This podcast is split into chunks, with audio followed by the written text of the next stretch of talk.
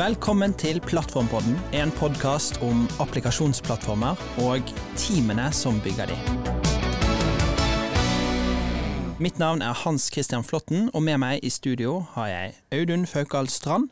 Og i denne sesongen utforsker vi plattformene i offentlig sektor. Men Audun, hva har du drevet på med i det siste? I det siste så har jeg klart å bevege meg både høyt opp og langt ned. Jeg har både jobba med Navs innspill til digitaliseringsstrategien, og jobba med å skru on-prem og få Nav ut i sky. Eh, men eh, Hans Christian, hvem skal vi snakke med i dag? Du, I dag er vi så heldige å ha med Anders Pettersen og Endre Mekkelborg fra Oslo Origo, en digitaliseringsetat i Oslo kommune. Endre, vil ikke du fortelle litt om deg selv, hva du gjør i Origo? Jo, det kan jeg godt gjøre. Jeg heter Endre Mekkelborg. Jobba i Oslo Origo i snart to år.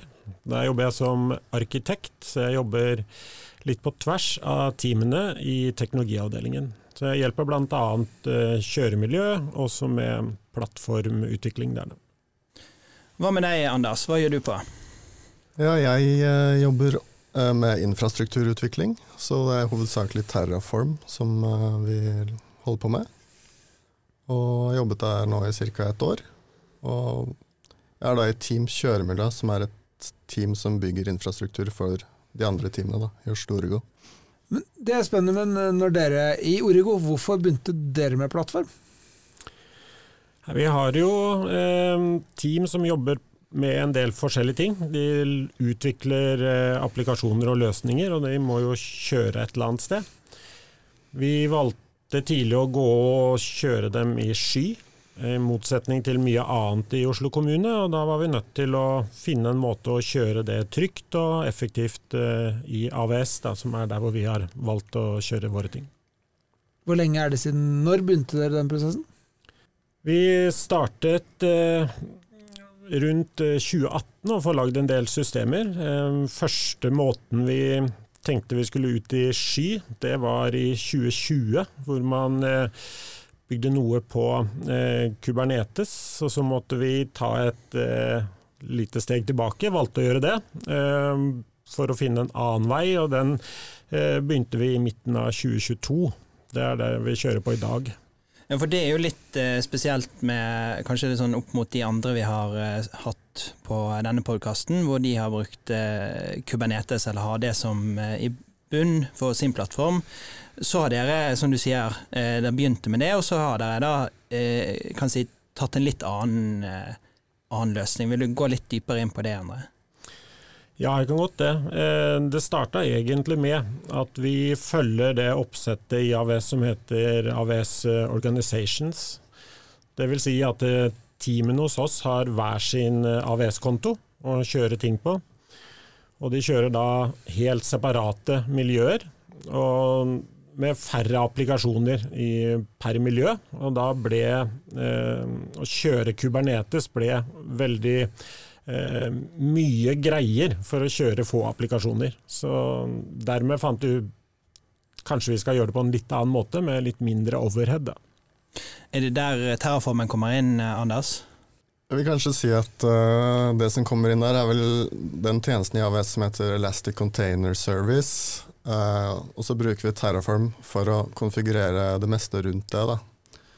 Og så når vi bruker Terraform, så blir det mer liksom, bransjestandard. Og dokumentasjonen er tilgjengelig på nett, og ikke så mye custom. da. Mm. Så det er på en måte det vi har satset på med det. Mm. Hvilke ting utafor uh ECS, er det det man sier? Uh, Elastic Container Service. Hvilke ting utenfor det er det dere bruker? Sånn i tillegg til det? Ja. Uh, vi bruker Elastic Container Registry, som er mm. for å oppbevare docker images. Så bruker vi Vi bruker jo for det meste AVS-tjenester. Mm. Og lite on-prem og sånne type ting. Så bruker vi um, RDS, uh, eh, Relational Database Service, i AVS, som vi da tilbyr egentlig til teamene gjennom uh, Terraform Maler. Uh, gjennom en uh, golden path, som vi kaller det. Og vi kan prate mer om det etter hvert, da. men vi har på en måte den tilnærmingen. Og så har vi lastbalansering med innebygde tjenester i AVS. Da. Og ja, Så, så dere lager maler, men teamene skriver terraformen basert på de malene, vis? Ja, vi på en måte genererer malene ut fra en sånn Hva skal man kalle det, en sånn rot-YAML-fil. Og så Mm. Tanken er at vi skal kunne regenerere de malene igjen og igjen, og så kan de gjøre noen tilpasninger. Og så kan de jobbe Så kan de få oppdateringer av oss eh, når vi forbedrer ting hele tiden. Jeg er ikke sånn kjempestødig i terror, men hvordan funker de oppdateringene? Når dere gjør noe i malene, hva er liksom flyten for at det skal uh, treffe verden? Ja, det er, også, det er noe vi jobber med. Uh, vi har også brukt Terraform-moduler for å Ja. distribuere konfigurasjon. Vi så at det Det var vanskelig å treffe blink på første forsøk, Mm. og finne riktig abstraksjonsnivå.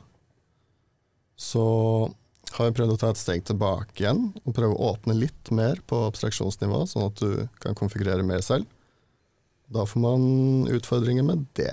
Så nå prøver vi å finne en sånn liksom gyllen middelvei da, på hva, hvordan ha fleksibilitet, samtidig som vi kan ha det litt sentralisert, og samtidig gjøre det enkelt. Så det er eh, der mye av utfordringene ligger med en sånn type, type løsning. Ja, for det er- Hvert team har på en måte sin account, og så er det per account så er det ett repo med terraform-filer. Mm. Og så er det litt viktig eh, det Anders var inne på, det å Mm. beholde fleksibiliteten. For ECS er jo en fleksibel måte å kjøre en container på. Og så kan vi gjøre det veldig rigid ved å si at du skal gjøre det sånn, sånn, sånn, og så har veldig få parametere å skru på og lukke det universet. Mm. Men vi har valgt å beholde det åpent, så de som har behov litt utover det helt standard, kan gjøre det. Men har man et standardbehov, så får man veldig mye ut av boksen, sånn at du kommer raskt i gang og enkelt kan eh, oppdateres i forhold til ny ja, det vi mener er best practice. Da. Mm. Mm. Men hvordan forholder teamene seg til eh, ECS, da? Teamene de har eh, applikasjonskoden sin i et repo, og der bruker vi GitHub Actions for å bygge docker images. Og så har de da satt opp sitt eget sånn ECR eh.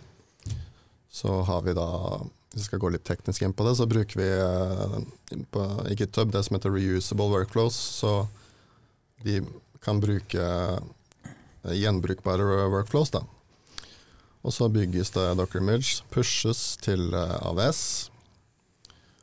Og det er egentlig Der liker vi på en måte å ha et skille, da, sånn at eh, applikasjonen og imaget eh, er en egen ting. Og så da for å kjøre det, så bruker du egentlig bare taggen for å si at taggen skal kjøre her og der. Er det en, er det en, sånn, er det en fiks tag som er det en standard tag som de bruker for at det skal kjøre der og der? Eller? Mm, Så når det bygges et image, så genererer vi tags. Ja.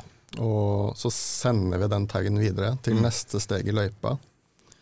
Som, sånn vi har gjort det nå, så utfører vi utrulling med Terraform. Så vi sender da den taggen inn i, inn i Terraform-koden, Mm. sånn at alt blir som kode.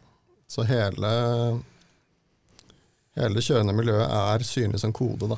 Mm. Og så kjører vi Terraform Apply, og så blir da tjenesten aktiv. Ja, så når en applikasjon bygges, så blir det da selvfølgelig en tag, og så committes den tilbake igjen til et repo, et terraform etterpå, og så kjøres det ut, eller? Stemmer. Spennende. Og det er jo også da veldig greit å rulle tilbake, for da kan du jo bare rulle tilbake den PR-en på Terraform-repo, og så blir CS instrumentert til å kjøre opp den gamle igjen. Så, mm. Veldig lite magi, da, på en måte. Ja, Så- ja, men det, det liker vi. Vi liker ting er vennlig her. Sånn, sånn er det, sånn fungerer det. Men øh, det jeg glemte å spørre litt om, er jo hvor mange team og hvor mange applikasjoner per team sånn cirka er det vi snakker om her? Vi er nok uh, godt mindre enn dere. Vi er eh, 11-12 team. Vi har et nytt team på trappene nå. Uh, det er veldig forskjellig hvor mye hvert team kjører av løsninger. Eh, de minste teamene kjører ja, to-tre applikasjoner. Det største teamet hos oss kjører mer 20 applikasjoner. Mm. Så der er det mer behov for Eh, større clustermiljø og mer liksom Hva er det som skal snakke internt, og hva er det som skal motta requester, og mer sånn oppsett da, som er mer vanlig i Kubernetes. Mm. Men det også får du ut i ECS, og med VPC og hvordan alt er satt opp eh, for å ha beskytta og kunne snakke med intern DNS og mm. sånt. Da. Kan, kan teamene styre en god del av det selv, eller? Ja, sånn som så det teamet som har eh, den største porteføljen, eh, de har en løsning de har hatt med seg helt fra 2014. Mm. Eh, de er nok lenger fram i forhold til Golden Path, som vi mm. snakka om, for de har større behov enn de andre teamene. Så de har en del konfigurasjon som andre team ikke har behov for å komme til dem enda. Men i og med at vi har åpna det og ikke valgt å lukke så mye som mulig, så ligger det mulighetsrommet der med, med Terraform og sånn. Hvor det teamet gjerne i samarbeid med kjøremiljøteamet finner ut hvordan er det vi skal gjøre dette her, mm. når vi går litt utenfor det som alle teamene kjører. Da. Mm. Men jeg oppfatter at hvert team har hver sin konto, og alt, i hvert fall til og med Container Registry kjørte i kontoen til teamet. Er det noe som er på tvers? Er det noen om overvåkning f.eks.? Er det noe som er liksom felles for alle? Vi kjører jo AVS Organizations, så mm. der er jo alle kontoene satt opp i en struktur med en eh, mm. foreldrekonto. Så det settes en del felles policyer og en del felles overvåkning eh, derfra og ned. Ja. Så, eh, men den generelle observabilityen som ligger i hver konto, eh, den er separat. Så eh, skal du følge requester fra et teams løsning til en annen, så må du kanskje via eh, et eller annet webanalyseverktøy eller noe sånt, for du mm. kan ikke ha, følge request-ID-er på tvers av løsningene våre. Eh, men eh, en del overvåking av sikkerhet og alt sånt, det kommer via organizations da, som vi kan følge på tvers. Du snakket om at det var et nytt team på trappene. Vil du dra oss litt igjennom? Hva er det som må til for at et nytt team skal komme inn, bli onboardet på plattformen? Ja, eh, Det å komme et nytt team, det er en eh, litt tyngre prosess enn det jeg vet eh, dere har i Nav. Så vi jobber jo med å forenkle det hele tiden. Men der får de i utgangspunktet en tom konto, så er det jo veldig avhengig av de personene og hvor erfarne de er. Mm. Noen tar ting på strak arm, noen trenger å få litt mer følging i starten. Da har vi gjerne erfaring med å opprette noe vi kaller kosekrok, f.eks. sammen med eh, kjøremiljø. Hvor det skal være en avslappa greie for å hjelpe hverandre. Hvor de får en introduksjon til det som vi kjører opp av infrastruktur i kontoene. Eh, hvordan det henger sammen og sånt. Og også det å få satt i gang den første applikasjonen med kall det walking skeleton eller noe sånt, for å bare få noe opp. da. Eh, nylig har vi også jobber vi med et sånt AVS 101-kurs som går for de som er litt nye, både på infrastruktur og, og Terraform, hvor de skal få en sånn både en introduksjon av hva en lastbalanserer er, hvordan sertifikater håndteres, og samtidig få lov å kjøre det opp i en sandbox-konto og ta ned et miljø. Sånn at de faktisk alle kan føle på det å ta infrastruktur opp og ned. Mm. Vet du om alle i teamene har en eller annen form for eh, forhold til AVS, eller er det noen som da har mer Jeg regner med at det er noen som har mer eh, si, kompetanse og ansvar, men har alle i teamet et forhold til AVS og de ressursene som kjører der? Alle har eh, forhold til AVS, men eh, i det den daglige tralten, så er det jo ikke så mye infrastruktur du forholder deg til. Vi har valgt mye sånne managed løsninger som eh, Anders var inne på. Og da er det ikke så mye som skal eh, til for å holde det gående. Eh, så innenfor team, no, ja. Noen tar mer eierskap til infrastruktur enn andre, men vi prøver liksom å tenke på at det skal eh, fordeles på oppgaver og eh, ja, få andre opp og gå også, da. Mm. Det virker som om dere har ganske mye fokus på at teamene, teamene har mye ansvar og mye autonomi. Kanskje mer enn det jeg vil si at et vanlig team har i Nav på Nice. Var det bevisst, eller var det liksom, hvilke vurderinger gjorde dere for å komme dit? Ja, det, man er bevisst det. Vi eh, jobber med eh, en del sånne viktige valg i organisasjonen. Så pleier vi å uttrykke det via en sånn RFC som vi skriver, mm. og blant annet eh, Den brolagte sti, eller Golden Path, det er også en RFC. Og Der eh, står det det med eh, at det kan føre til eh, høyere kognitiv last, ikke mm. sant. Mm folk gjør ting de ikke eh, gjør til vanlig, og en, og en, del sånn overhead.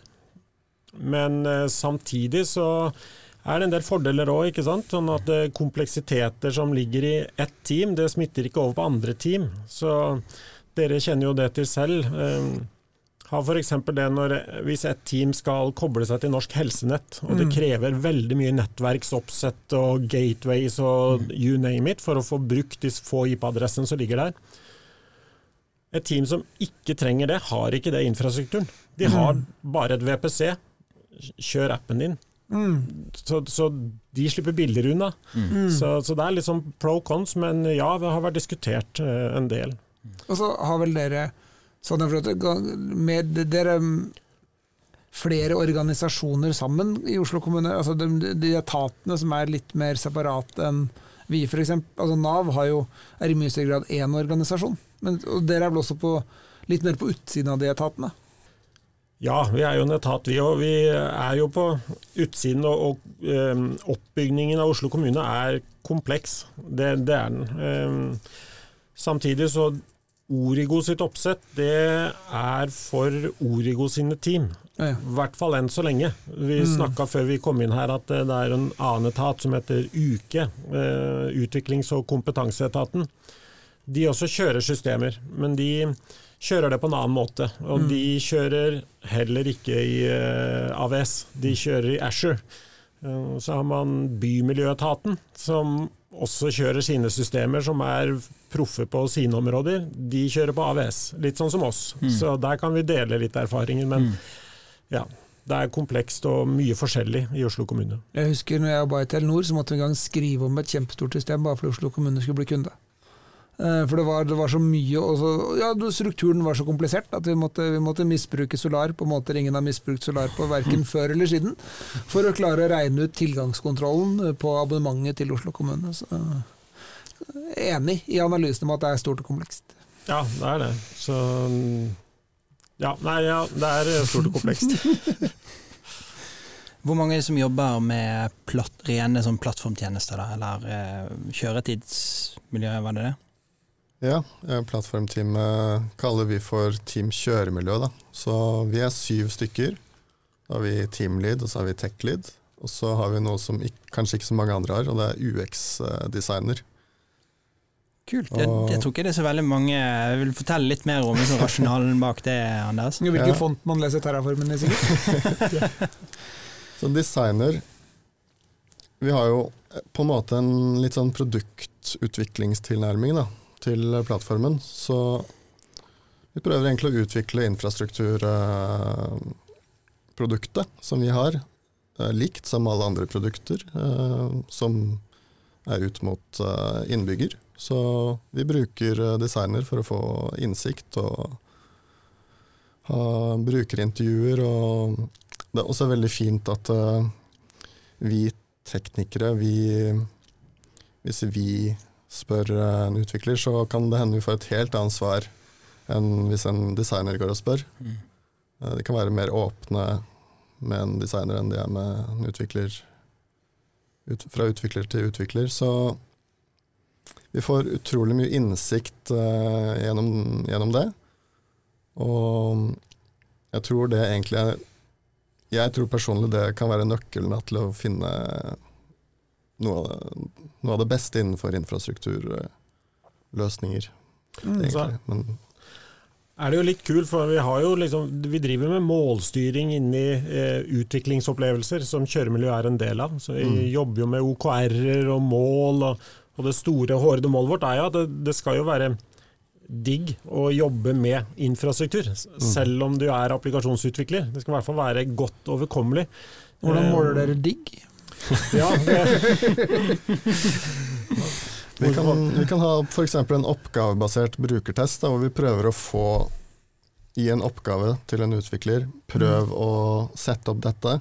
Så ser vi på svarene vi får, hvor lett var det, er det masse som er vanskelig, Ja. hvor høy kognitiv last på en måte Så litt mer sånn kvalitativ måling enn kvantitativ, Ja. egentlig. Det er interessant. Det har jeg ikke hørt om så mange andre som gjør på infrastruktur, men det er jo vanligere på liksom normal utvikling. Men det er jo infrastruktur å jobbe så devops som vi gjør. Det er jo Mm. nytt for mange. Eh, Så, men vi håper liksom at vi får med nok folk til at eh, de syns det er gøy å lære. Og, og får man til mestring og vekst og sånn, så er det jo en, en veldig viktig faglig eh, økning i sånn sky- skyinfrastruktur og infrastruktur generelt er jo veldig viktig erfaring å ha med seg. Så det å bli god på det og få litt mestring på det, tror jeg er veldig verdifullt for en CV også i dag. Da. Altså, men jeg tror jo at hvis dette skal fungere bra, så må det være godt samarbeid mellom plattformteamet og applikasjonsteamene. Vil du gå litt i det, Endre? Hvordan, hvordan har dere dialog og kommunikasjon med applikasjonsteamene? Ja, det er vel egentlig kanskje Anders skulle Jeg kan jo si litt på det. Vi nevnte jo eh, kosekrokene. Ja. nye team som kommer opp, eh, får veldig dedikert tid hos eh, kjøremiljø. Sånn at man jobber i tospann og alt sånt. Vi prøver også å rigge oss sånn at når det trengs, så er kjøremiljø eller meg eller en annen arkitekt på plass for å, å kunne være sparring. Det er veldig viktig det med sånn hjelpekulturen for å ta ned eh, frykt. Eh, Så fort du gjør et eller annet som er litt utafor komfortsona, så be om hjelp. Du skal ikke være redd for å be om hjelp, og du skal også få hjelp veldig raskt uten å bli blokkert på tid. Da. Så Jeg har faktisk eksempel på det i, i går, eh, hvor et av teamene våre skulle oppgradere produksjonsdatabasen sin, som var en helt ufarlig greie, og så plutselig så får du en sånn rar melding i Terraform som bare ok, jeg gjorde det helt rette, bare tar eh, hendene bort fra tastaturet og tenker litt, tar kontakt med oss, vi sparer litt på det. første vi gjør i dag tidlig er å se på det sammen, og så få løst de problemene. For eh, det er viktig det at det skal være en eh, eh, ja, både det med kognitiv last, men også en trygghet og mestring i dette. da. Mm. Er det ofte at utviklerne får uh, feilmeldinger i Terraform, så må de gå til deg eller teamet ditt? Det er nok ikke så ofte, i hvert fall ikke på standardoppsettet. Men uh, jeg kan jo egentlig, som du spurte om i stad, sånn hvordan kommer et nytt team og bruker uh, infrastrukturen som vi setter opp, eller sammen, da. Så har vi, vi har en sånn golden path, som vi kaller det. Og det består av en, en nettside som ligger på km.oslo.systems, hvor det er guider og setup og alt mulig sånn.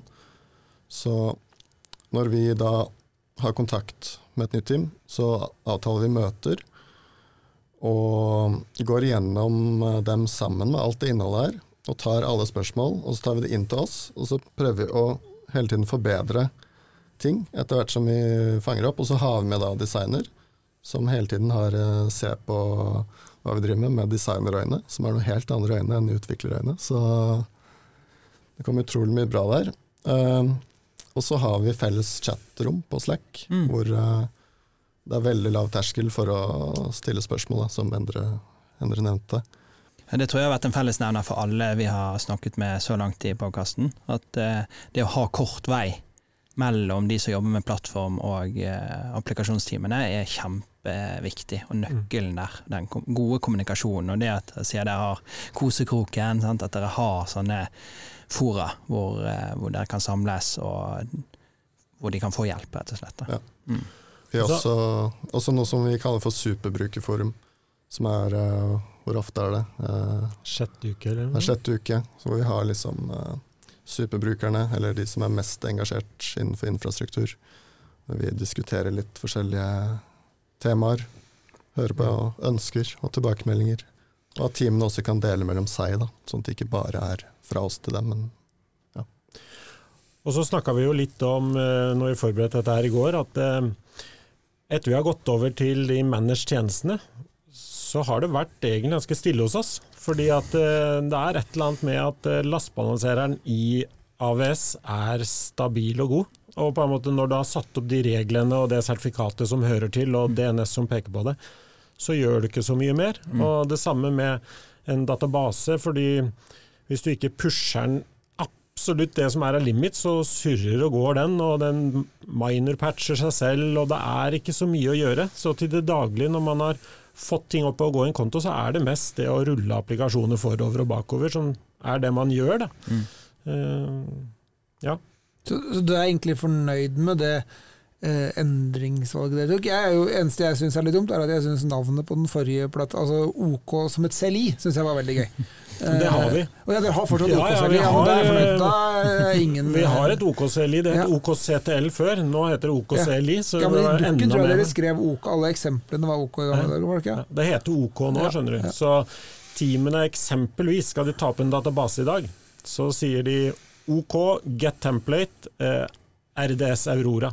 Burde ikke vært OK Computer, egentlig? Også liksom bare sånn computer som en sånn tilfeldig bare ekstrakommando ja. for å Men dere er fornøyd med overgangen? Altså fra uh, Kubernetes til Elastic Container Service?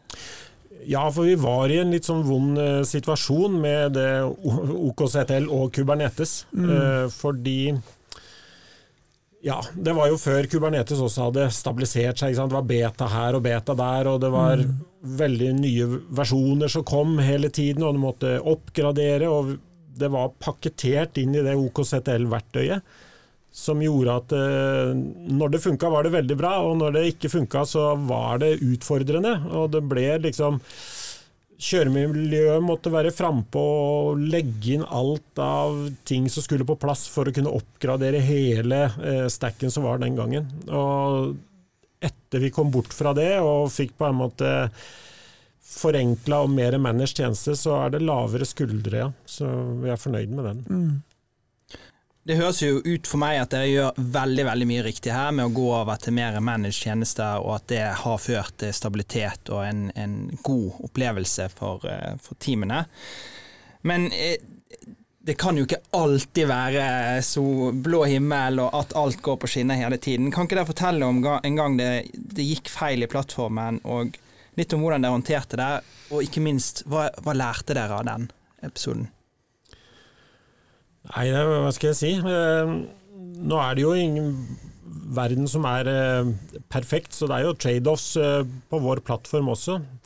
Litt om hva som har gått feil. Vi har ikke de store eh, trafikkmonstre og sånt enda, men det vi sliter med i Origo, det er at vi er en del av ofte en større eh, enhet. Så vi jobber bl.a. med systemet mot den eh, storbylegevakta nå, som kommer. Og Da har du eh, Origo sine systemer, skal spille sammen med noen systemer som er satt opp i da, utviklings- og kompetanseetaten, og som gjerne kjører inn i datasenteret hos eh, Soprasteria. Og, og, det er mange biter som skal spille sammen, så vi har jo opplevd Plutselig så virker ikke ting ingen har gjort noe som helst, og ingen tør å innrømme at noen har gjort noe som helst, og så sitter man og det er veldig vanskelig å feilsøke. Ja, For noen så, må ha gjort noe en eller annen gang? noen har nok gjort et eller annet, men og så plutselig virker det igjen. Og, bare, og da er vi på en måte eh, Jeg har snakka med de teamene og sagt at vi må det er veldig viktig å høste erfaring før det blir fullt trøkk på legevakta. Liksom, hva er symptomer, og hva mm. var løsningen? Sånn at vi har mm. læring på det da, eh, og dra med oss. fordi at eh, det er så mange biter som kan feile her. Eh, vi har jo også opplevd, du spurte om en konkret feil, eh, det at vi hadde helsedata som skulle rutes et sted, som har blitt mappa feil og ble ruta i en eller annen eh, testbase midlertidig, som på en måte vi heldigvis fant veldig raskt. Men igjen, det er fordi det er mange systemer som, og mange parter som er involvert her. Da. Mm. Mm.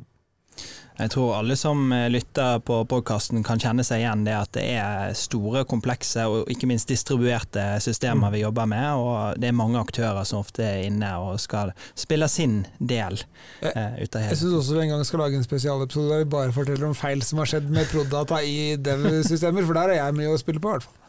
Eh, men eh, Anders, hva er det neste som skal skje i plattformen? Det som vi holder på med akkurat nå, er egentlig å forbedre observability det er en av tingene. Eh, vi har satt opp opprinnelig så bruker vi mest CloudWatch, som ikke er kjent for å være det aller beste systemet. Så nå holder vi på med å få satt opp ordentlig Grafana og Metrics. og Så tar vi det først, og så tenker vi at vi fortsetter kanskje med tracing og bedre loggsøk, da. Men det er jo veldig fint om man får det man vil ha med Metrics og tracing før logging, så vi tar det først, da. Og uansett så har vi det i CloudWatch. Så driver vi og vurderer litt om vi skal gå for Prometheus eller CloudWatch Metrics, eller uh, så er det litt kostnad med det, og det er ganske dyrt å ha Metrics i AVS. Så ja, Men mye av det dere ser fortsatt på hosta da, ikke sant? Ja, det, da kan man jo velge å bruke For Amazon har det de kaller for managed service, og da er det på en måte at de manager en open source-løsning for ja. deg. Bare skriver om koden bitte litt noen ganger, husker jeg. Mm. open search, eller? Ja, ja og Istio. Ja. Det var veldig mye styr på. Mm. Så de har da um, Amazon Managed Prometheus og de har Amazon Managed Grafana, som du ja. kan sette opp for å komme raskt i gang. Da. Og så mm. tenker jeg at det blir litt vurderinger på om vi skal kjøre det selv, eller hva vi gjør. Mm. Uh, så tanken er jo at det, det, skal bli veldig lett å se hva som skjer da med de kjørende applikasjonene. Og gjerne også litt sånn bruksdata uh, også, da. Du ser hvilke handlinger som foretas, og ikke bare CPU og minne, liksom. Du ser faktisk konsekvens ute i verden. Mm. Kan du også nevne, vi driver akkurat nå og jobber med en ny eh, iterasjon på ROS eh, vurdering av løsningen, hvor man bare måtte ha rosa fra AVS på organisasjonsnivå, og så på den brolagte stien og de komponenter og oppsett på kjøremiljøet. Og at da teamene etterpå kan rose basert på den igjen. Eh, og jo, jo nærmere du ligger den brolagte stien, jo lettere blir rosejobben din i ditt team. Da. Risiko- og sårbarhetsanalyse. Det er noe god på det her i Nav òg, ja, skal vi ikke si sjelden en dag hvor ikke ROS og eller PVK nevnes, eh, vil jeg si. Også i dag. Og så jobber vi fortsatt i sluttfasen av det nye AVC01 som vi snakka om. Sånn at mm. legger til rette så alle som har lyst i Sandbox-konto, kan sette opp en komplett infrastruktur og ta det ned igjen. Som mm. å øve og få mm. Tusen takk for at dere tok dere tid til å snakke med oss i dag. Anders Pettersen og Endre Mekkelborg fra Oslo Origo. Audun, nå er jeg spent. Hva er dine highlights fra For det første er jeg veldig glad for at de har beholdt OK Selje, for det har jeg fortalt om til mange allerede, eh, og liker godt navngivning på det. Men jeg synes det jeg setter mest eller det jeg synes var morsomst å høre om, var jo brukerfokuset. Og det å ha en UX-designer med i plattformteamet, og hvor bra det funker. Det tror jeg mange kan lære av å gjøre likt. Hva med deg, Hans Christian? Du, jeg syns det er for, forfriskende å høre om noen som ikke har valgt Kubernetes. Jeg er jo veldig fan av Kubernetes, men det betyr jo ikke at det er det eneste rette for alt og alle. Eh, veldig kjekt å høre at, eh, hvor bra det fungerer med AVS og de tjenestene der. Det var høydepunktet mitt. Og med det runder vi av denne episoden av Plattformpodden med Hans Christian Flåtten og Audun Faukal Strand. Teknisk produsent er vår eminente Tore Gressdal. Takk for nå.